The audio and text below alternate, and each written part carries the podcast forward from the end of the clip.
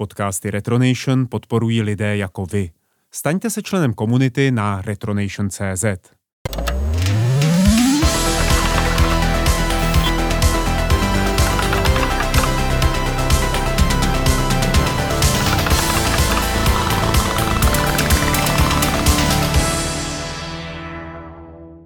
Zdravím vás, milí přátelé, zdravím vás u dalšího Wolfcastu. Vítám tady ve studiu i Michala Rybku, a.k.a. Wolfa. Nazdar, Wolfe. Ahoj. Dneska budeme pokračovat v našem tématu Vaporware, ale ještě než se k tomu dostaneme, tak v den, kdy vychází tento podcast, tak je poslední den, kdy můžete hlasovat pro eh, projekt Retronation.cz eh, v rámci soutěže Křišťálové lupy, a sice v kategorii zájmové weby, kam jsme byli nominováni našimi posluchači, za což vám děkujeme a zároveň bychom se rádi umístili co nejlépe, takže vás poprosíme, zda byste byli od té lásky a zahlasovali pro nás a my už se nyní pustíme do našeho tématu. E, na začátku by to asi chtělo nějakou menší rekapitulaci. Co říkáš, Wolfe? Tak můžeme, můžeme v zásadě říci, co to je Vaporware a jakým způsobem vybíráme ty produkty, které do toho zařazujeme. Zjednodušeně řečeno, je produkt eh, pár, pára nadhrncem doslova, o kterém se mluvilo, který byl představen nebo uveden nebo ukázán, ale nikdy se reálně neprodával, což je proto eh, docela jako přízračná věc, to znamená, že nezapočítáváme tam věci, které vznikly čistě jenom jako koncepty, a e, taky do toho nezapočítáme věci, které byly enormně spožděny, ale nakonec se prodávaly. Takže například takový Microsoft Kin do toho nepatří, protože ten se prodával všeho všude dva měsíce, ale doopravdy se prodával, takže to Vaporware není. V podstatě, jak může vzniknout vaporware? Vaporware může vzniknout několika způsoby. Nejtypičtější situace je, že představený nějaký produkt, ale firma nemá peníze a nemá, nebo nemá sílu, nebo nemá čas prostě ten produkt dokončit. Často je to taková jak labutí píseň, takový Hail Mary Pass, prostě taková jako poslední, poslední šance, kdy se firma pokusí něco uvíct na trh předtím, než zkrachuje nebo je odkoupena ale máme tam i případy, které smrdí prakticky podvodem a o některých se taky pozastavíme a e, pozastavíme se třeba u firmy Teranos, což jako je a není počítačová technologie a je to prostě, e, říká se to, že to je jeden z největších podvodů současnosti. E, ale měli bychom se nejdřív asi vrátit zpátky a podívat se na ten přelom 80. a 90. let. Já bych teda tady rád ještě uvedl jednu věc. Poslal mi Pavel Dobrovský informaci, která se týká Atari Panther, o které jsme se bavili.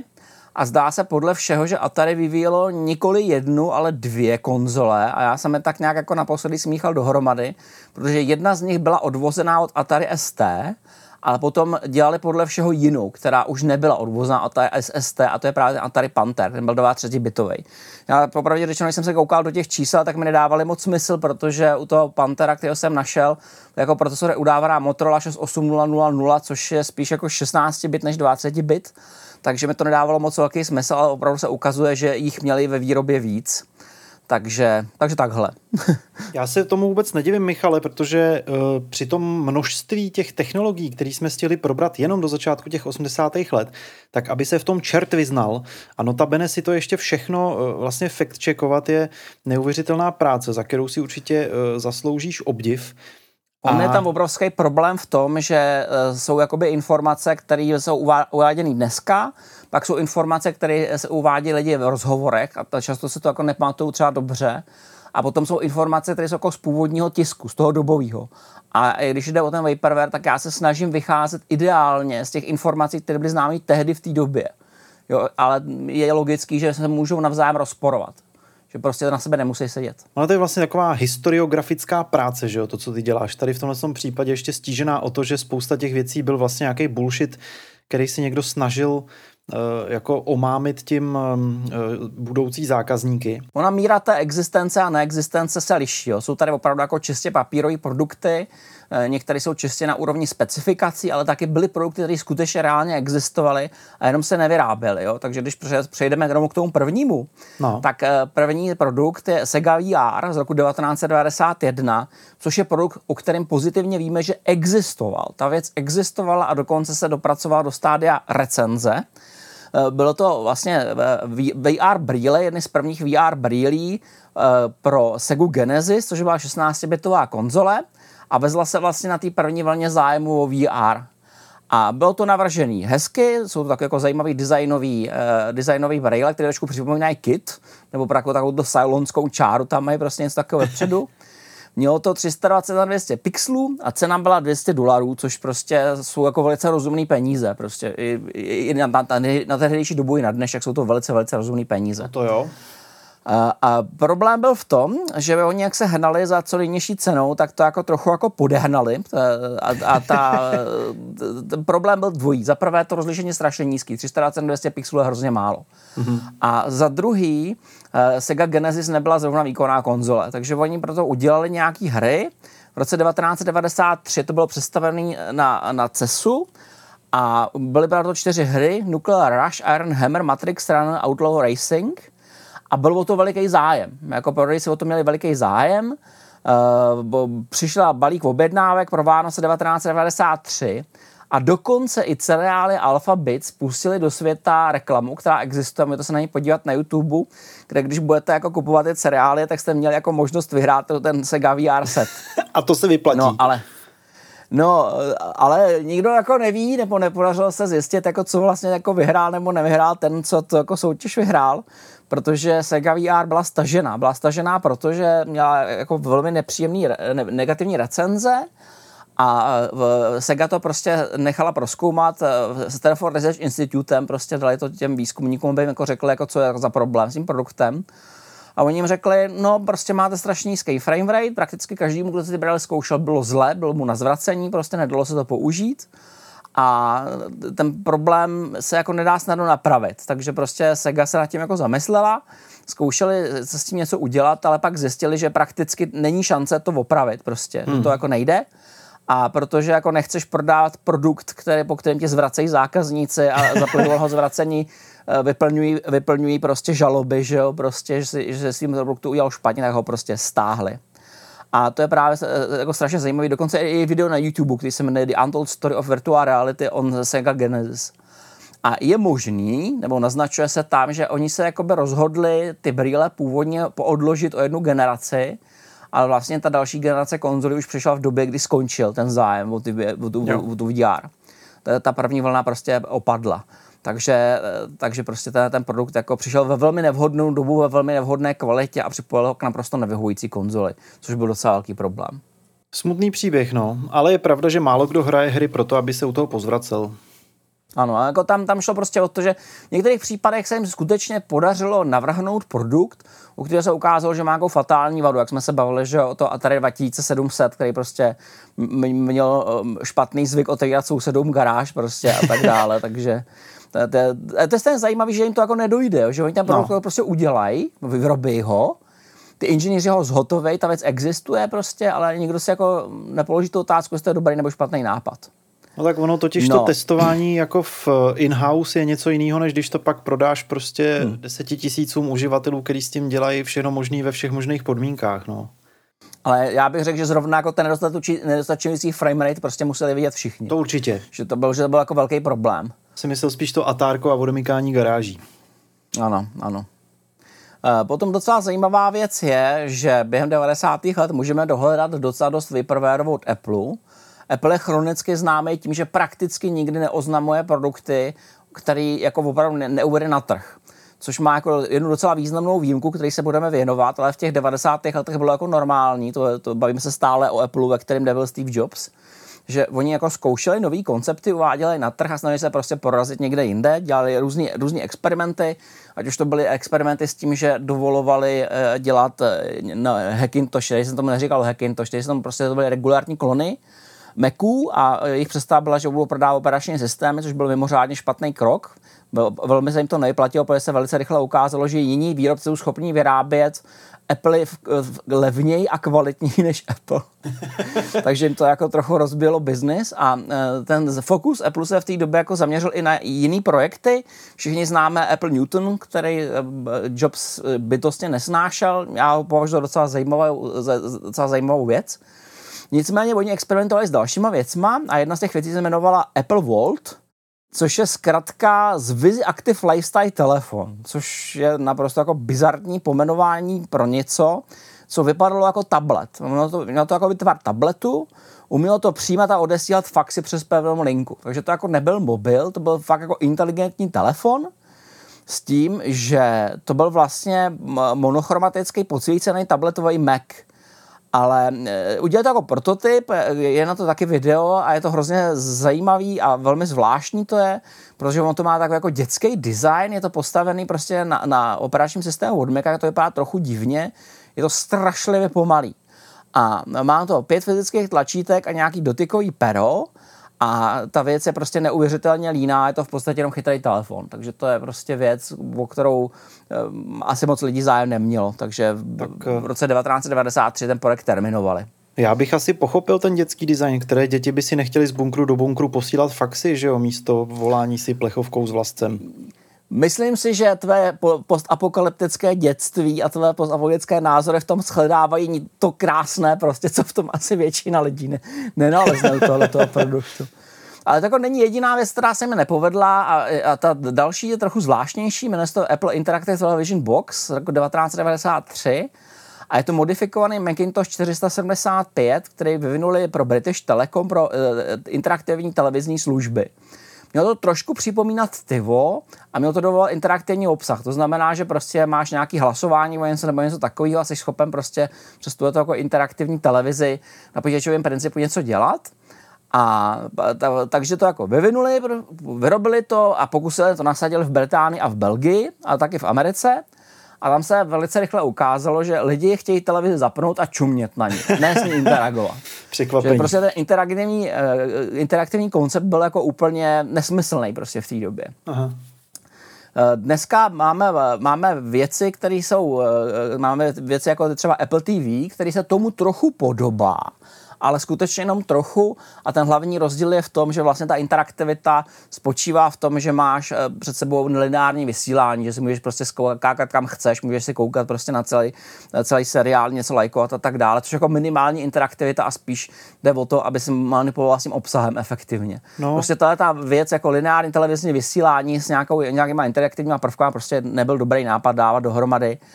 A popravdě řečeno, jako jediný, co dávalo smysl, bylo to ty že si prostě nahraješ a, a zpětně si pustíš tu věc a vyskáčeš reklamy.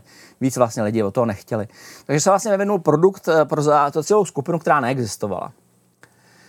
No, potom se našel na strašně bizarní věc, eh, která se jmenuje Action Game Master z roku 1994 od firmy, která se jmenovala Active Enterprises a ta se zabývala tím, že dělala nelicencované videohry že oni tak trošku jako, jako pi, se živili na pirátění a přišli s vlastní přenosnou konzolí, která se podobala Game Boy nebo Atari Lynx a měla mít kompatibilitu s NESem, s NESem a dokonce i se Segou. Aha. A tvrdili, že to má podpora i CD-ROM. A t- o té věci existuje i nákres, existuje na to reklama. Vypadalo to úplně bizarně, vypadalo to jako divný ucho s takovými obrovskými madlama. E, s malým displejem 3,2 palce a zřejmě jako ze spodu měla být jako CD mechanika, prostě mělo to být jako taková jako multikonzole, pochopitelně jako zcela nelegální, která měla být schopná provozovat ty, ty hry. A oznámili to, řekli, že to bude stát 500 dolarů, což je jako docela dost prostě. A v tom samém roce taky krachli. Takže hmm. to je prostě ten případ, jako kde jenom jako vyhlásil, že tady máme ten pro, produkt prostě a v zápětí jako se nad něma zevřela, se, se, sevřela hladina. Mně přijde teda hlavní chyba, že někdo si myslel, že bude mít handheld konzoli a zároveň v tom bude mít CD mechaniku, tak tam už jako když se podíváš, jak je to CD velký, tak tam mi něco prostě nehraje od začátku. On, celá ta věc byla jako úplně šílená, jo? to se nedalo jako nikam civilizovaně dát, protože to bylo jako mnohem větší, on to měl fakt ještě takový jako mandle, když se podíváš na tu fotku. A to prostě to ne, jako nedáš do kapsy, to musí mít na to, to musí mít batoh na takovou věc. No, notabene jako kompatibilita SNES a SNES znamená, že to musí mít cartridgeový port, že jo, velikánský. No. To jako není malý port prostě, to, je, to, to, to je jako, to, to může mít kolik, 15 cm nějak tak, prostě něco hmm. takového, je to velikánský. No prostě to naprosto nesmysl. No, Apple nicméně experimentoval i nadále. V roce 1995 přichází Apple Videopad, což je strašně zajímavá věc, jak se tady mluvil o tom CDčku, tak při sám bohu, opravdu ta věc kombinovala PDAčko, telefon a přehráč CD. Ach jo. Proč? Jak to vypadalo? Vypadalo to jako naprosto ujetě. Prostě. To bylo to jako obrazovka, pod tím byl jako takový jako box, kam se jako dával to CDčko a je to naprosto, naprosto šílený.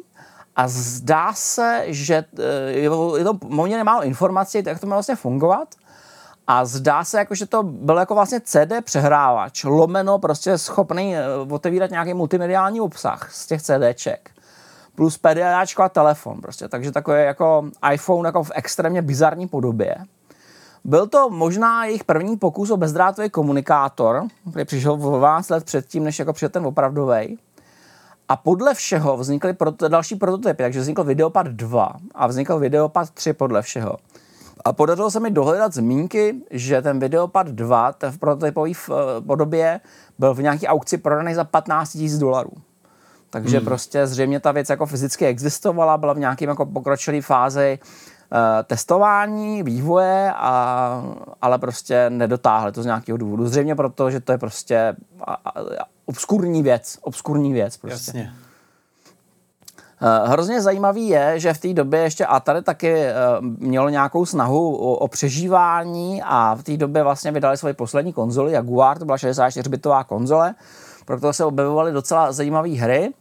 A eh, pro, jejich fundamentální problém byl, že oni z začátku nebrali CD vážně. Hmm. Takže vlastně Jaguar jel na cartridge, což bylo jako docela nákladný vyrábět hry na cartridgech a teprve dodatečně proto přidali CD mechaniku, která se nasazovala do cartridgeového portu a vypadalo to, ten výsledek vypadal tak trochu jako záchod. Jako, to, jako, ještě, ještě, když se jako otevřeli ty dvířka od té mechaniky, tak to fakt vypadalo jako záchod.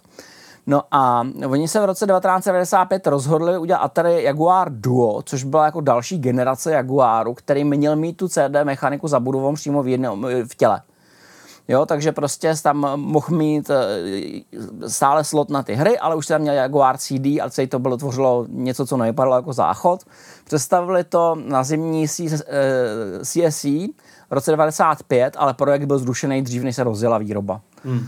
Což, eh, což zřejmě jako ten problém souvisel s tím, že oni už jako na tom byli velmi špatně v té době finančně, protože zrovna tohle to by jako docela dávalo smysl, jo, udělat jako další generaci prostě Jaguara, který by tu mechaniku měl. Jasně. V té samé době pracovali i na VR setu, eh, VR headsetu pro Jaguar. Byl představený taky na to CSI a, a vznikly jenom Missile Combat. Předvedli to, že to mají, nicméně v té době jako už měli veliký problémy a zároveň eh, došlo k pádu zájmu o VR, takže to celý šlo do kopru, celá ta věc. Ale nepodařilo se mi o toho ani zjistit rozlišení obrazovek a tak dále, takže nevím. Uh, hrozně zajímavý projekt, který se nám objevuje v Německu, je uh, něco, co se říká Amiga Walker PC. Uh, Commodore zkrachoval v roce 1994, ale německý Escom Technologies získal jejich brandy a v roce 1996 představili takovou jako Amigu 1200 v mini taurovém provedení, což bylo v té době hrozně populární, protože Amiga 1200 samotná se pořád ještě prodávala v podobě takové ty klávesnice. Jo, jo, jo. A velmi špatně se upgradeovala, protože vlastně bylo to celý zavřený že jo, v těle klávesnice. Mm-hmm. Já jsem měl 12 stovku s akcelerátorem Blizzard, 0,30 eh, akcelerátorem a to bylo jako extrémně nepraktický to umistovat, protože vlastně ten procesor téměř jako ti pekl do stolu, jako, protože byl moc veliký. Takže v té době se dělalo to, že se vymontovala základní deska a namontovala se do velkého tauru, kde se to dalo líp chladit, kde se k tomu dali dávat další zařízení a oni takhle udělali, udělali novou verzi Amigy, která měla být obsazená eh, CDčkem, CD-romkou, takže byla docela praktická, měla mít výkonnější procesor, takže to mělo mít rovnou 6, 8, 30 na 40 MHz, takže vlastně ten jejich Walker by byl zhruba stejně rychlej jako akcelerovaná 12 stovka. Mělo to mít uh, AGA chipset s novým čipem Tony, mělo to mít 1 nebo 2 MB chip RAM a 4 MB fast RAM. Uh, s tím, že tam měly být dva SIM sloty pro expanzi až na 96 MB. Pokud čirou náhodou nevíte, co to je chip RAM a co to je fast RAM, tak to, to, to, to, to máte veliké štěstí. O tom se můžeme někde pobavit, o tom, jak Amiga a i architektura zároveň předběhla dobu a zároveň zablokovala sama sebe, protože ta chip RAM byla vlastně sdílená paměť mezi procesorem a, a, a zbytkem chipsetu, takže vlastně to, to obsahalo videopaměť, audio a tak dále. ale eh, ta Fast RAM, do ní přistupoval jenom procesor. Ten přístup tam měl rychlejší, ale ty ostatní čipy ne. Což jako je docela problém, protože to v překladu znamená, že prostě můžeš si do ní odložit jako mnohem víc úloh pro procesor, ale zároveň neustále kopíruješ ty informace prostě do té chip RAM, aby si něco mohl zobrazovat, což jako není zrovna jako šťastný řešení. A nedalo se s tím nic dělat, protože ten chipset byl takhle navržený. No a e, Escom to chtěl prodávat, teda ten počítač, jednak v podobě motherboardu, a jednak v podobě tady toho Walker PC, říkal se tomu Walker, protože to mělo jakoby nožičky. A ten tvar byl takový jako hodně neortodoxní.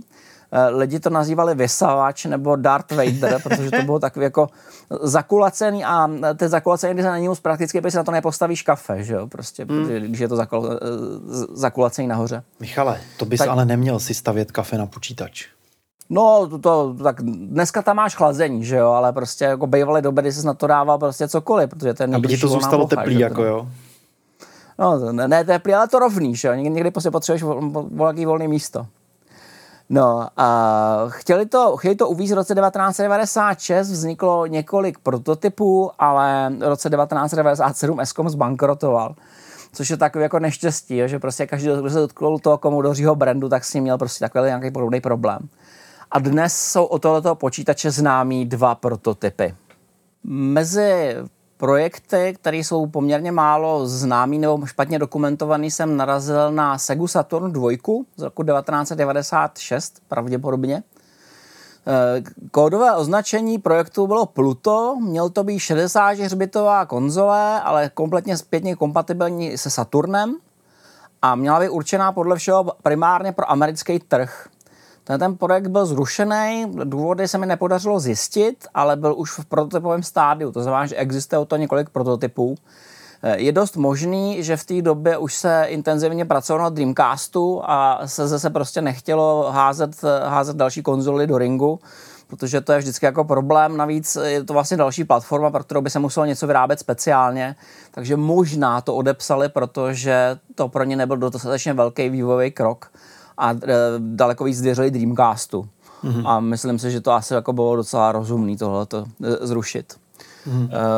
Potom je tam taková jedna historka, která se jako netýká přímo hardwareu, týká se DRM a to je strašně, strašně vtipná věc.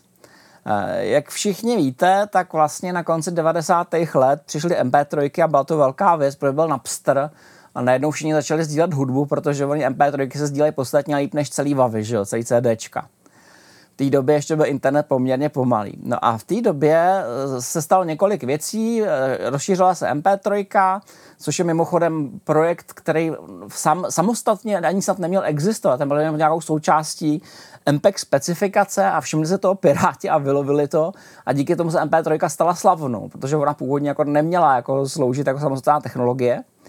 Eh, vznikly přehrávače Diamond Trio, eh, eh, RIA s nima začala bojovat a vznikla Secure Digital Music Initiative, protože si prostě vydavatele uvědomili, že sice můžou bojovat s MP3, ale pokud proti ní jenom budou bojovat a nenabídnou alternativu, tak mají smůlu. Je to prostě špatný. A tak se začaly vyvíjet něco, čemu říkali bezpečná hudba, měli takový jako velice rozsáhlý kampaň kolem tohohle toho. A jedna z věcí, která tam vznikla, jeden z těch formátů, který vzniknul, se jmenoval SD, SDMI DRM a 6. E, září 2000 e, publikovali, publikovali nějaký tři, čtyři soubory a napsali celé komunitě, že kdo do tří týdnů z nich odstraní watermarky, tak dostane 10 000 dolarů. Tam šlo primárně o to, že oni vlastně s tím watermarkingem, tím značkováním hudby chtěli zjistit, kdo, kdo jim to ukradl kdo jim to začal šířit. No a mysleli si, že to mají hodně bezpečný. A to si mysleli zcela špatně, protože se to dostalo do týmu profesora Edwarda Feltena, a ten, ten systém vzal, tedy hudbu vzal a přepracovali tak, že hodnotící systém akceptoval tu nahrávku jako pravou, když to byly odstraněny watermarky. Ale to konzorcium, eh, kterým jako tím pádem jako nevyšla prostě ta jejich kampaň, to odmítlo uznat jako výhru a tvrdili, že se změnila kvalita zvuku, že prostě to jako není v pořádku, když ten jejich systém to jako akceptoval. No a tohle by bylo jako ještě jenom o tom, že prostě firma jako odmítla dát 10 000 dolarů někomu, kdo právě prolomil neprolomitelný systém, ale Felter udělal něco daleko horšího. On eh, se rozhodl, že publikuje článek o tom, jak to udělá. Takže prostě eh, napsal článek a chtěl to předníst na For International Information Hiding Workshop v Pittsburghu v roce 2001. A v tu chvíli se na něj sesypala jak RIA, tak SDMI a začali mu vyhrožovat na základě eh, Digital Millennium Copyright Act, že ho prostě jako nechají zlikvidovat. No ale Felton se nedal a s pomocí Electronic Frontier Foundation je zažalovali zpět a žádal uznání legálnosti toho svého článku. Soud to akceptoval, že ten jeho článek jako v pořádku, že je chráněný prostě podle uh, principu svobody slova a Felton o tom přednášel prostě o rok později na Usenix Security Symposium. A ještě měl krásnou reklamu. Naprosto krásnou reklamu. A, celý, a tímhletím jediným aktem, tímhle jediným aktem on zlikvidoval celý to schéma a v podstatě vyřadil i celý to konzorcium protože prostě oni se rozhodli dokázat, že mají neprolomitelný systém, on jim ho hravě prolomil a ještě navíc řekl, jak to jako funguje a tudíž prostě pominul smysl existence. A celý to jako lehlo, což prostě považuji za neuvěřitelnou věc.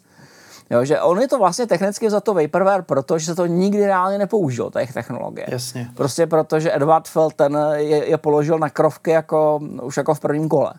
A to považuji za hrozně vtipný a je to, je to, je to téměř geniální jako s DRM byly vždycky problémy, že si budeme povídat do dneška, prostě když máš nějaký DRM soubory, který nedej bože ještě záleží jich autentifikace na nějakým serveru, který už neexistuje, prostě pá, nějaký pátek, tak je to opravdu zlý.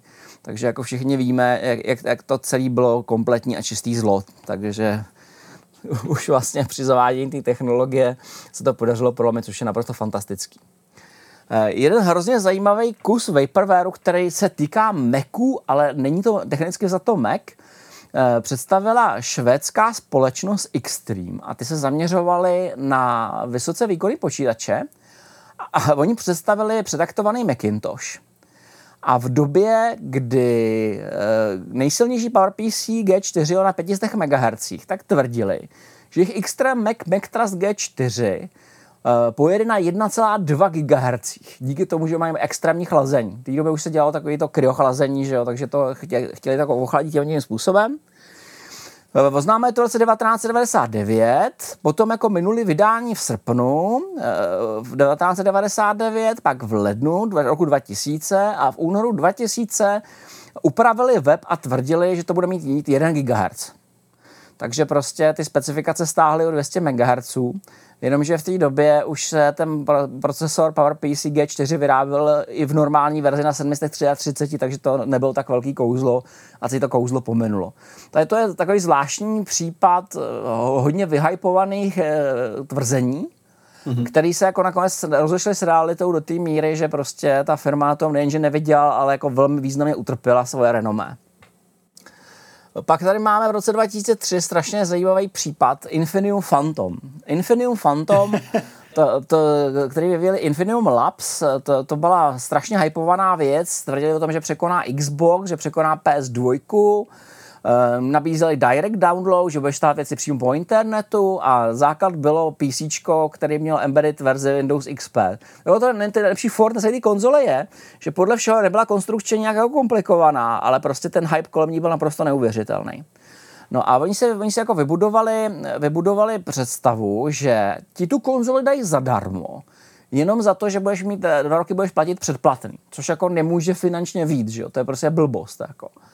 No a v roce 2004 představili prototyp uh, na E3, nicméně posléze se ukázalo, že ten jejich slavný prototyp ve skutečnosti je jenom skutečně zakuklený PC. A jediný, co k tomu udělali jako novýho, byla klávesnice Laboboard bezdrátová, což je teda mimochodem jako jediná věc, která z toho zbyla, která se dala opravdu koupit. No a oni slíbili, že jo, launch v roce 2004, nejdřív ho slíbili v listopadu, to nevyšlo. V roce 2005 ho oznámili v lednu, v březnu a v září, takže měl mít jako tři launche prostě v roce 2005. Nicméně, eh, nicméně eh, to už jako začalo být jako podezřelý, zvlášť jako unikly ty fotky, že vlastně to je v obyčejný PC, a Securities a Exchange Commission zahájila eh, právní kroky proti jejich bývalému šéfovi Timothy Robinsovi s tím, že utopil prostě spoustu peněz investorů. Eh, Infidium přišlo o 62,7 milionů dolarů. No to je spoustu tra- peněz. A traduje se, že z těch peněz pravděpodobně jenom 3,5 miliony šly na vývoj vlastní konzole, že ten zbytek prostě šel jako do, do, do kasičky Timothy Robertsona, takže Cox a štětky. to je jako docela slušný, no. No a stalo se to, že jak se to odkládalo, odkládalo, tak se to nakonec v roce 2006 úplně zastavilo a jenom ta vlastní klávesnice byla vydaná v roce 2008. Ta jediná se dala koupit. Což je teda jako docela strašný, když to vezmeš kolem a kolem. No ale pořád je to, jako to absolutní drobnost vedle věci, věci, která se jmenuje Edison Terranos, který vyvíjela firma Terranos a je to největší průšvih startupový technologický 21. století. Ta, ta, o, o té věci existuje několik filmů, že to doporučuju, prostě to je naprosto neskutečný. Eh, vyvíjela to Elizabeth Holmes, o které se vlastně tvrdilo, že nejmladší miliardářka, že na tom jako se naprosto udělala a teď eh, ona byla hrozně populární, protože vlastně Terános vyvíjel eh, zařízení, které měli jedním odběrem, doslova do písmene, jak říkali, z jedné kapky krve provést prostě celou sadu diagnostik, asi 26 diagnostik, co mě udělat. A představa byla taková, že vlastně díky tomu, že ta mašina je, bude kompaktní, máš vlastně jako laboratoř v celý ty jedný pixle, tak to bude moct mít každý doktor, bude to mo, možný jako odvážet jako prostě do rozvojových zemí, kde to jako bude suplovat prostě laboratoře a tak dále. Byl to projekt, který měl jako humanitární rysy, takže se proto strašně snadno scháněly peníze. Šéfovala tomu ženská, takže měla jako obrovský promo, protože ženská, že jo, prostě geniální. Takže na to získala strašnou spoustu peněz. A ze začátku to ze začátku do toho jako nateklo asi 700 milionů dolarů ale naprostý, naprostá bomba bylo, že ta, přestože se jim jako ta technologie nedařila, ne, nebyli to schopni reálně vyvinout, tak jejich valuace neustále rostla. Až v roce 2013 dosáhly valuace 10 miliard dolarů. Ta firma nevyrobila, nedodala jediný přístroj. Eh, když se dělali nějaký srovnávací testy, tak je dělali klasicky. To znamená, že prostě poslali jako ty krve mnohonásobně víc, než jako oni tvrdili, že potřebují.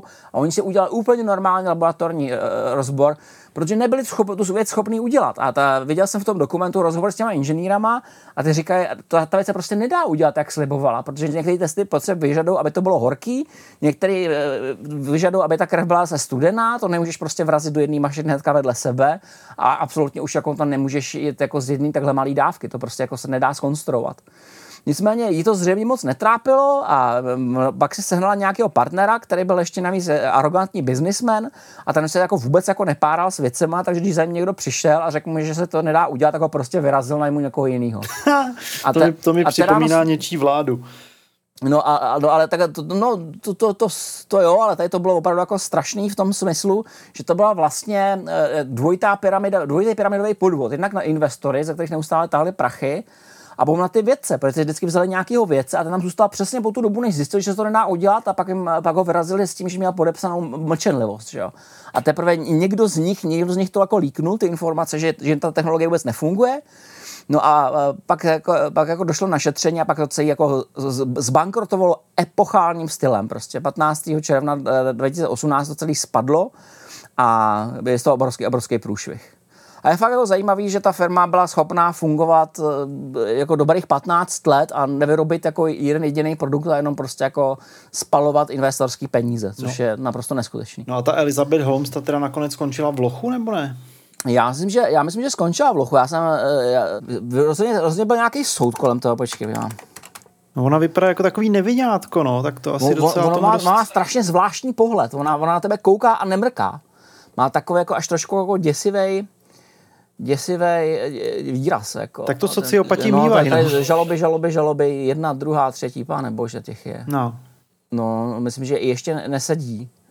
A že se brání, brání tím, že je duševně nemocná. No, tady no tak to určitě no, ale prostě ty prachy těm lidem nevrátí, prostě že?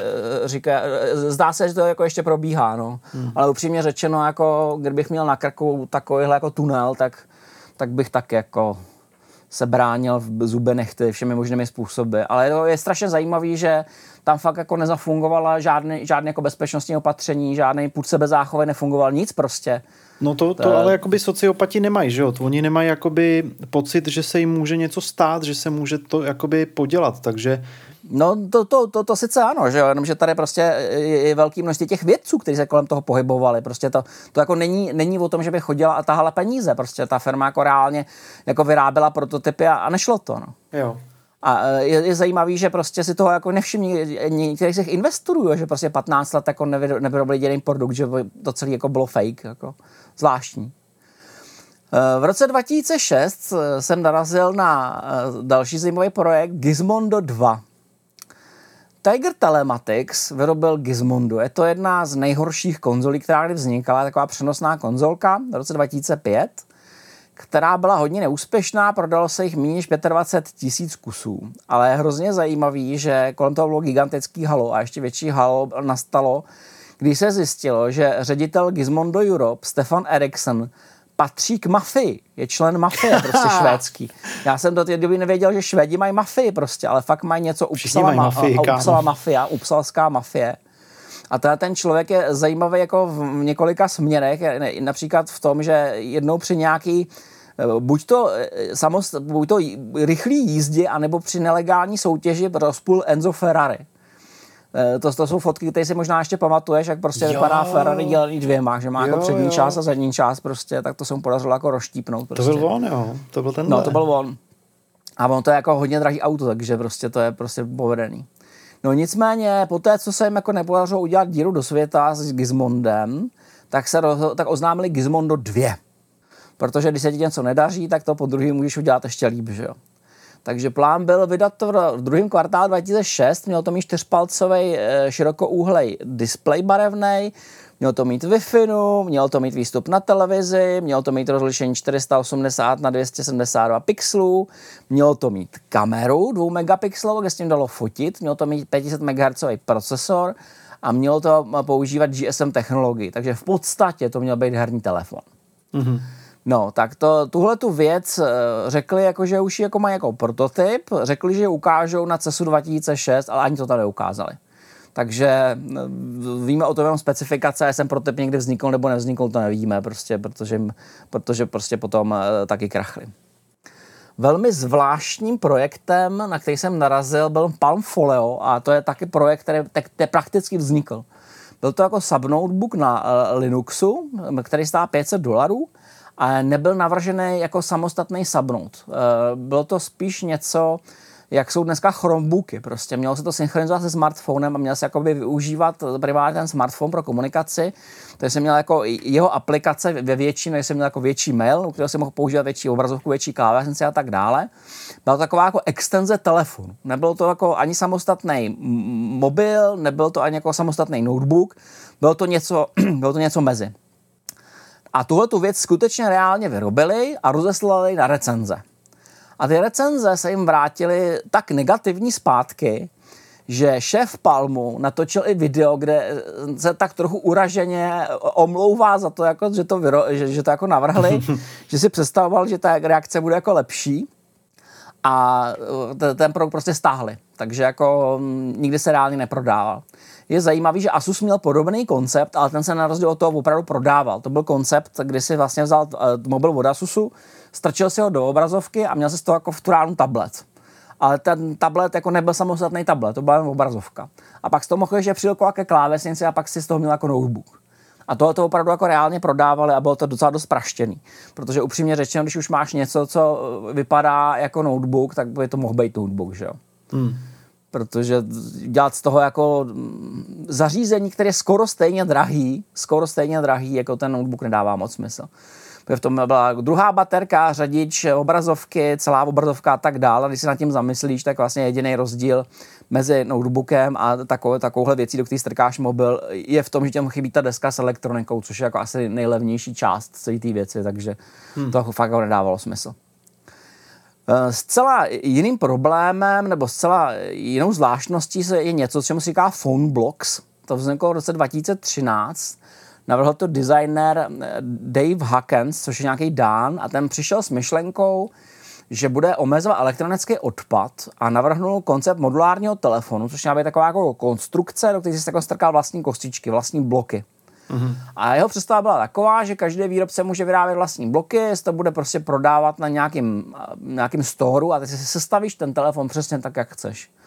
To znamená, že tam vlastní foťák, vlastní procesor, vlastní úložiště, vlastní baterku a tak dále. Když se ti cokoliv z toho jako podělá, tak vyměníš jenom ten blok za jiný prostě. A tím pádem jako můžeš ten telefon jako průběžně upgradeovat a tak dále. Získal proto obrovskou podporu, získal 900 tisíc podporovatelů na Thunderclap. Tak. A začal dělat na tom endoskeletonu, ale pak to skrapli.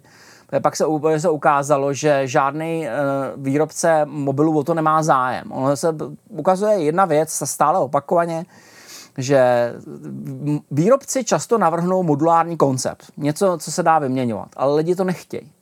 Protože ty moduly jsou stejně specificky určený pro nějakou konkrétní řadu, vyrábějí se po určitou dobu a žádnou fundamentální výhodu to nenese. A naopak, jako když ten telefon uděláš v jednom kuse, tak ho můžeš udělat jednak vodovzdorný, jednak mnohem pevnější a jednak kompaktnější.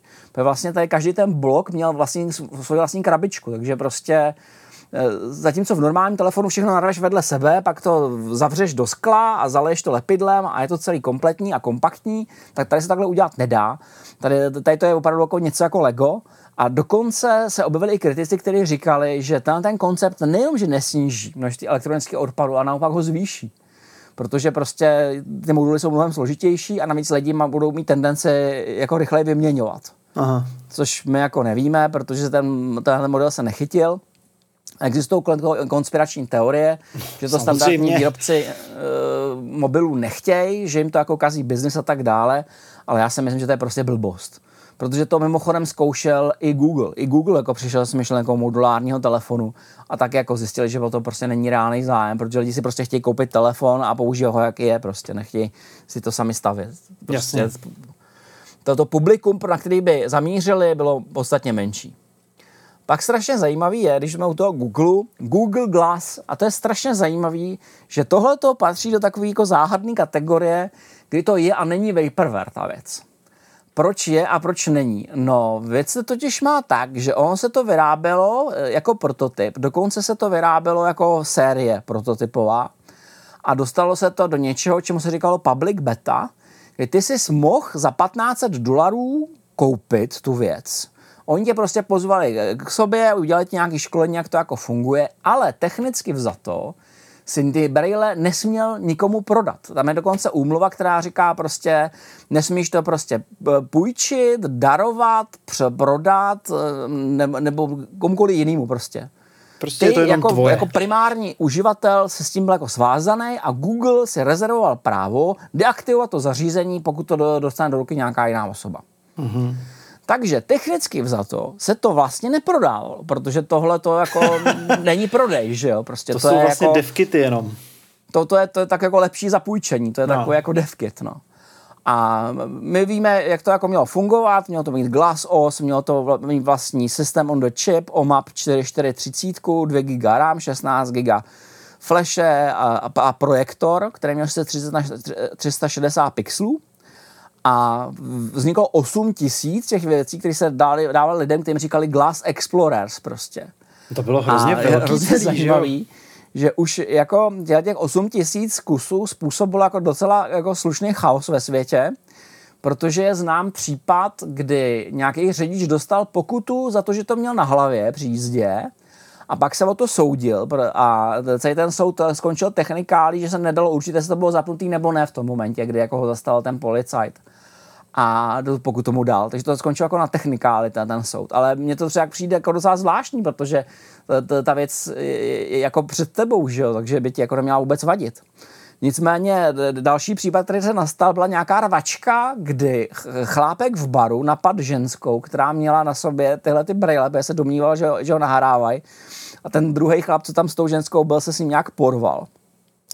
Takže no. samotná přítomnost těch bylí způsobila, že některé bary v San Francisco jako dávali vývězky a tím s tím lidi nalezou do baru a tak dále prostě. No já si tohle to živě pamatuju, že jo, a to vypadalo jako fakt prostě obrovská průlomová technologie, protože ten Google to strašně masivně promoval a furt všude to na to člověk narážel a furt všichni takový ty early adopter fríci se s tím voháněli, jak to strašně Ano, bylo, bylo hodně, bylo skutečně no. hodně.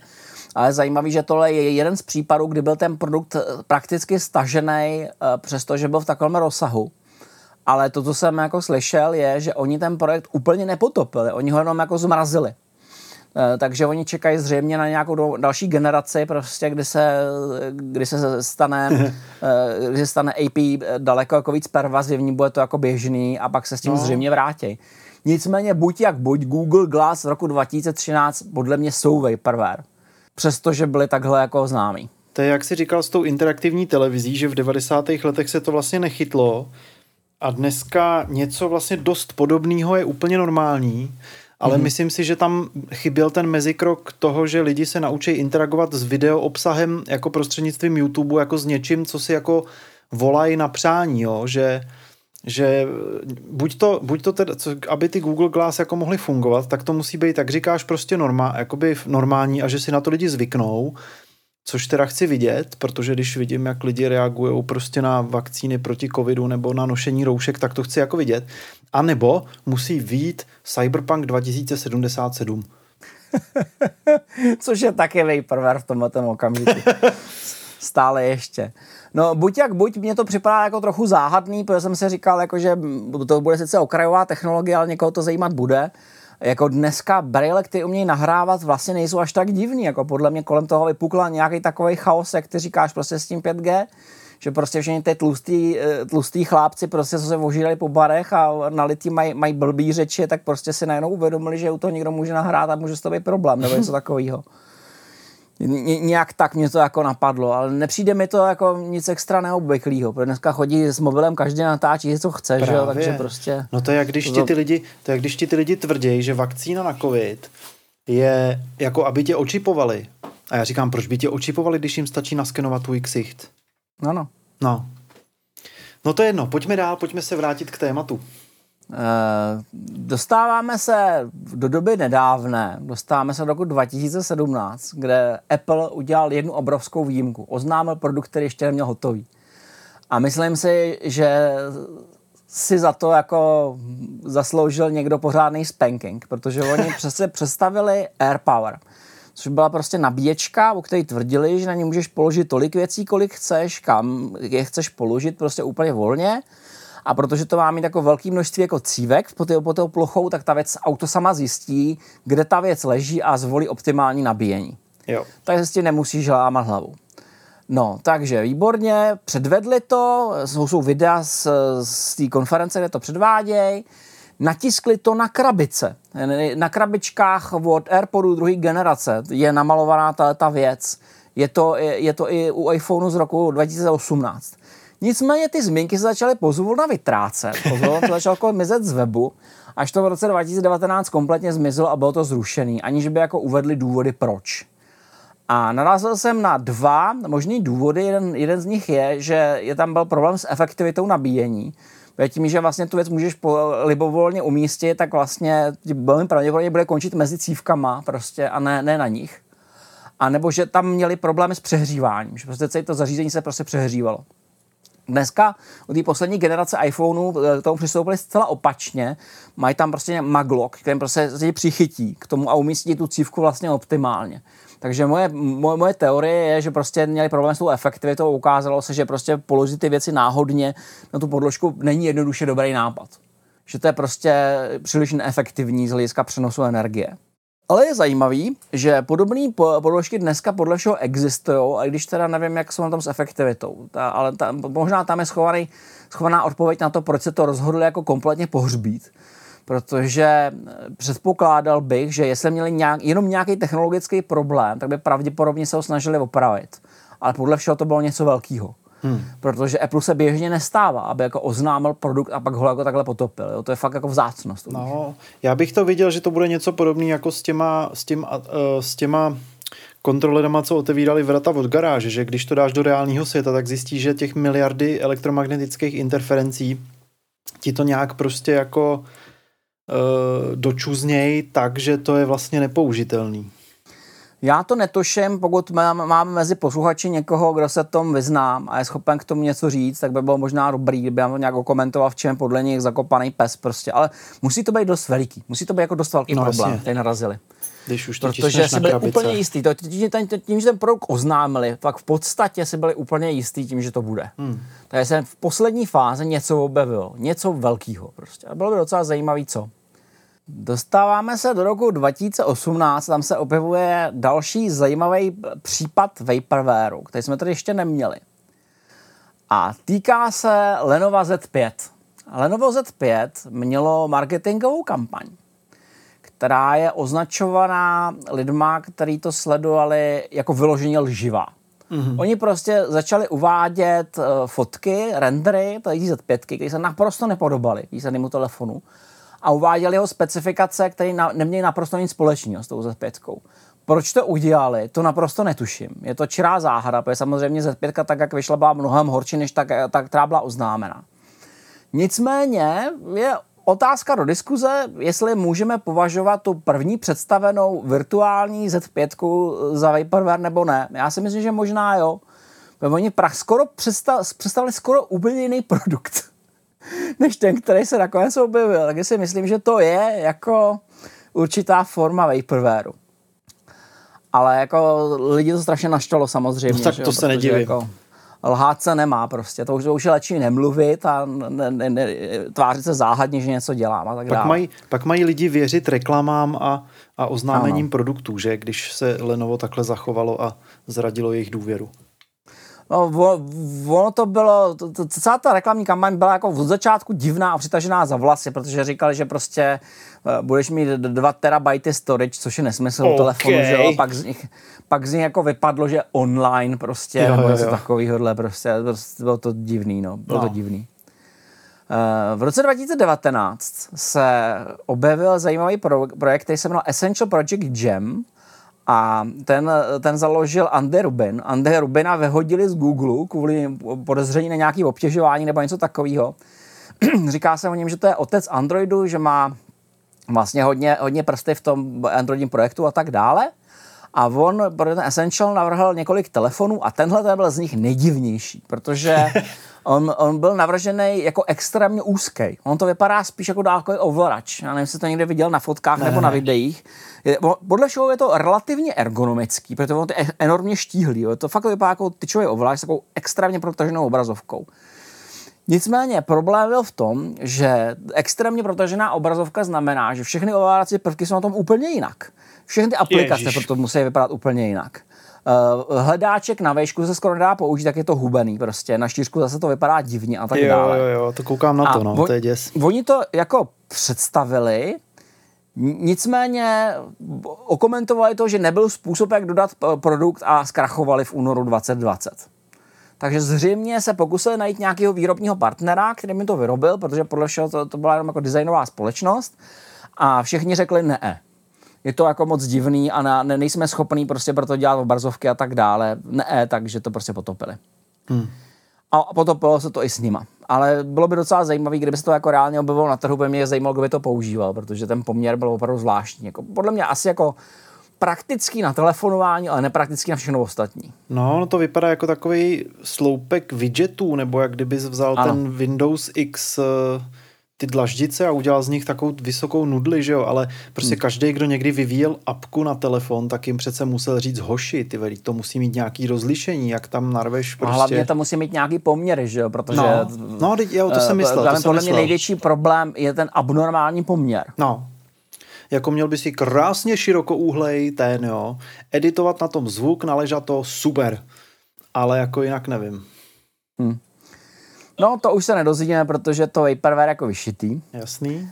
Další, další zvláštní věc, která se byla v posledních letech, je firma Red vyrábí kamery, to všichni známe, no. je hodně drahý, hodně drahý kamery. Hodně luxusní, hodně drahý. A no. rozhodli se, že vyrobí telefon, který se jmenoval Red Hydrogen One a jako tradičně to byl telefon za velký peníze, za nějakých 13 dolarů.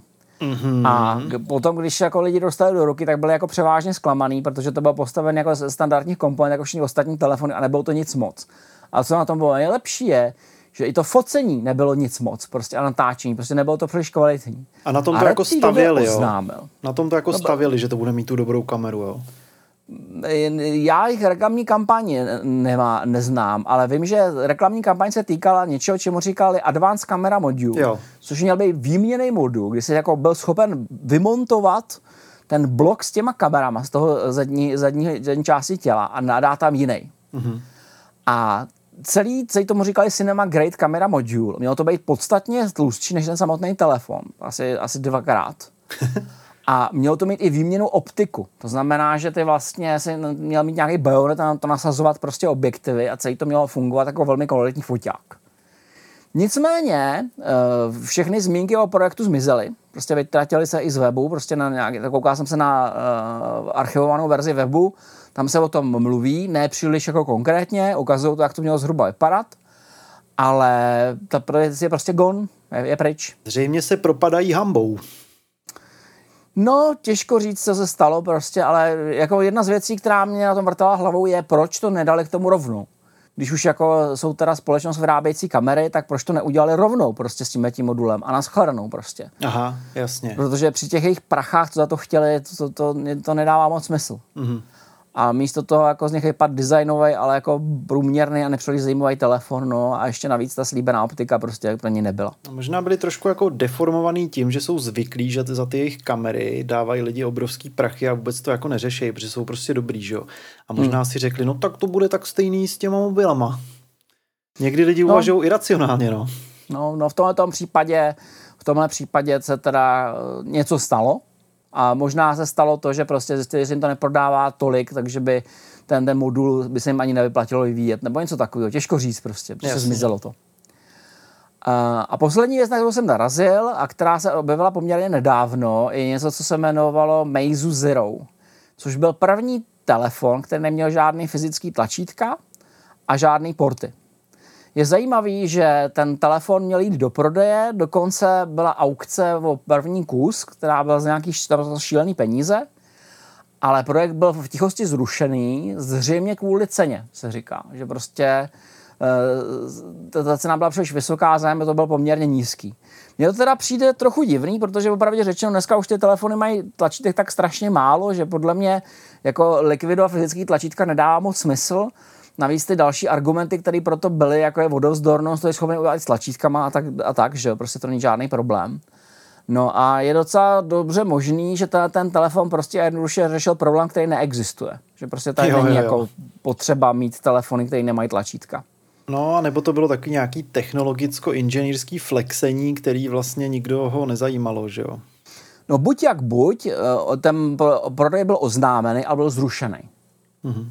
Včetně toho prvního kusu, který byl vydražený za, za docela veliký peníze, takže nějaký zájem tam byl, ale z jakého důvodu to prostě zlikvidovali a, pře- a prodávají standardní, standardní telefony.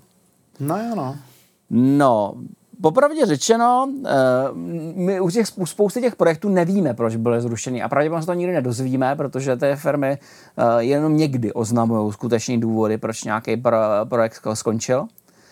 A nebudeme taky vědět, co všechno eh, vzniklo, ale nebylo uvedený, protože spousta toho vaporwareu jakoby nesplňuje požadavek na vaporware tím, že se o něm nemluví. Že v té definici říkali, že to je prostě něco, co musí být oznámený, prostě musí o tom mluvit. Ale těch prototypů, které jsou jakoby pod hladinou, jsou skrytý, je obrovské množství a o těch se dozvíme pozdě nebo nikdy. Jako třeba modulár, modulární Mac, že jo? Modulární Mac, o tom jsme se dozvěděli v podstatě nedávno, že se na, na těch konceptech pracovalo. A, a, a Apple je známý tím, že se jako moc jako nechlubí těma věcma, který prostě ne, nepustí do světa, protože on to dělá blbý PR, prostě to, že jako slibuješ a nedodáváš. Jasně. To, co je strašně důležité, je, že většinou se vyprvérem ty věci nestanou ze zlého úmyslu. Většinou to není tak, že by prostě ten eh, dotyčný chtěl podvádět, třeba u toho Teránosu prostě vidíme, jako že to byla bouda od začátku do konce a že je vysoce pravděpodobný, že v, v nějaké fázi toho vývoje už prostě nebyli schopni opustit tu legendu, že jsou úspěšná firma. Hmm. Že prostě nebyli schopni říct jako sorry, nejde nám to, musíme udělat jednodušší verzi, nejsme schopni splnit to, co jsme slibovali. Prostě v nějaký fázi, v té fázi už to prostě bouda byla. Teráno na konci prostě byla jednoznačně bouda. Ale většina těle těch produktů uh, se stane vaporwarem prostě proto, že se v nějaké fázi zjistí, že potom není poptávka, nebo že ta firma není schopná vyrobit, nebo že zjistí, že by konkurovala sama sobě tím produktem a za tím jeho zrušením je nějaká racionální úvaha, což je strašně důležitý. No a někdy si vývojáři prostě přijí příliš a zastaví je management, anebo realita, nebo naopak management si přeje příliš prostě a nezastaví je vůbec nic a a přidávají se věci a věci, až se z toho stane produkt, který nikdo nechce za peníze, který není nikdo ochotný dát. A to je takový jako trochu varování, že prostě ty vývojáři často žijou ve svém vlastním světě, ať už je to, ať už je to AR a ne, nebo, nebo ty virtuální braille, prostě, který prostě přišli v té první generaci přišli brzy. A oni se ten projekt rozhodli udělat za každou cenu a teprve na konci zjistili, že udělali produkt, který reální lidi nemůžou používat. Hmm. Že prostě ještě není dost vyzrálý. A proto byl ten projekt terminovaný. Do, do značné míry je to taková, takový jako divný pocit z toho máš, protože si říkáš, my jsme tu technologii mohli mít velice brzy ale ono se zdá, že pravděpodobně ne.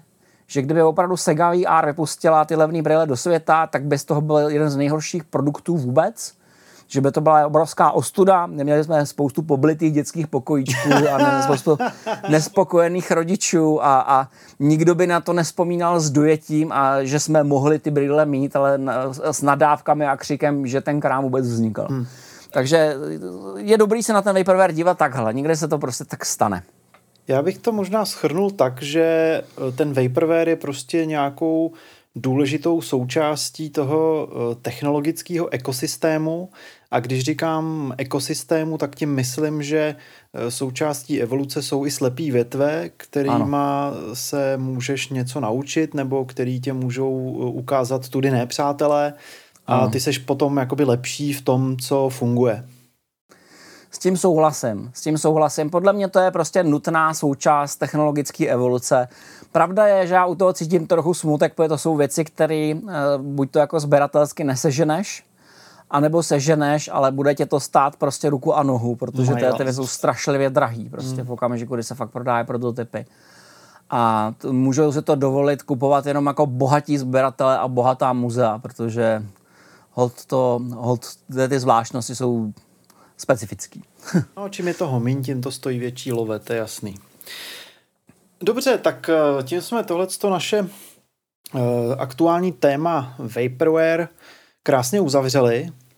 Já ti, Michale, moc krát děkuju za to, že jsi to takhle skvěle připravil. Tady to musel být opravdu oříšek, takže díky moc.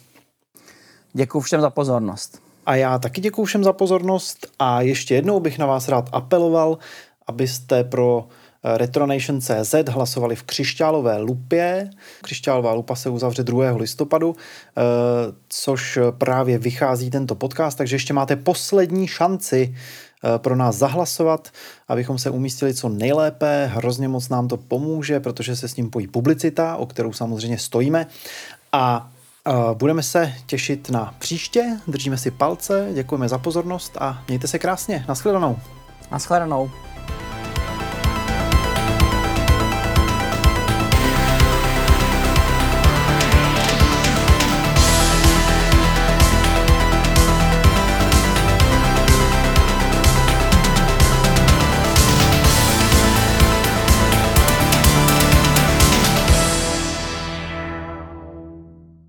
Nahrávání podcastu Retronation a tvorbu dalšího obsahu můžete podpořit na retronation.cz.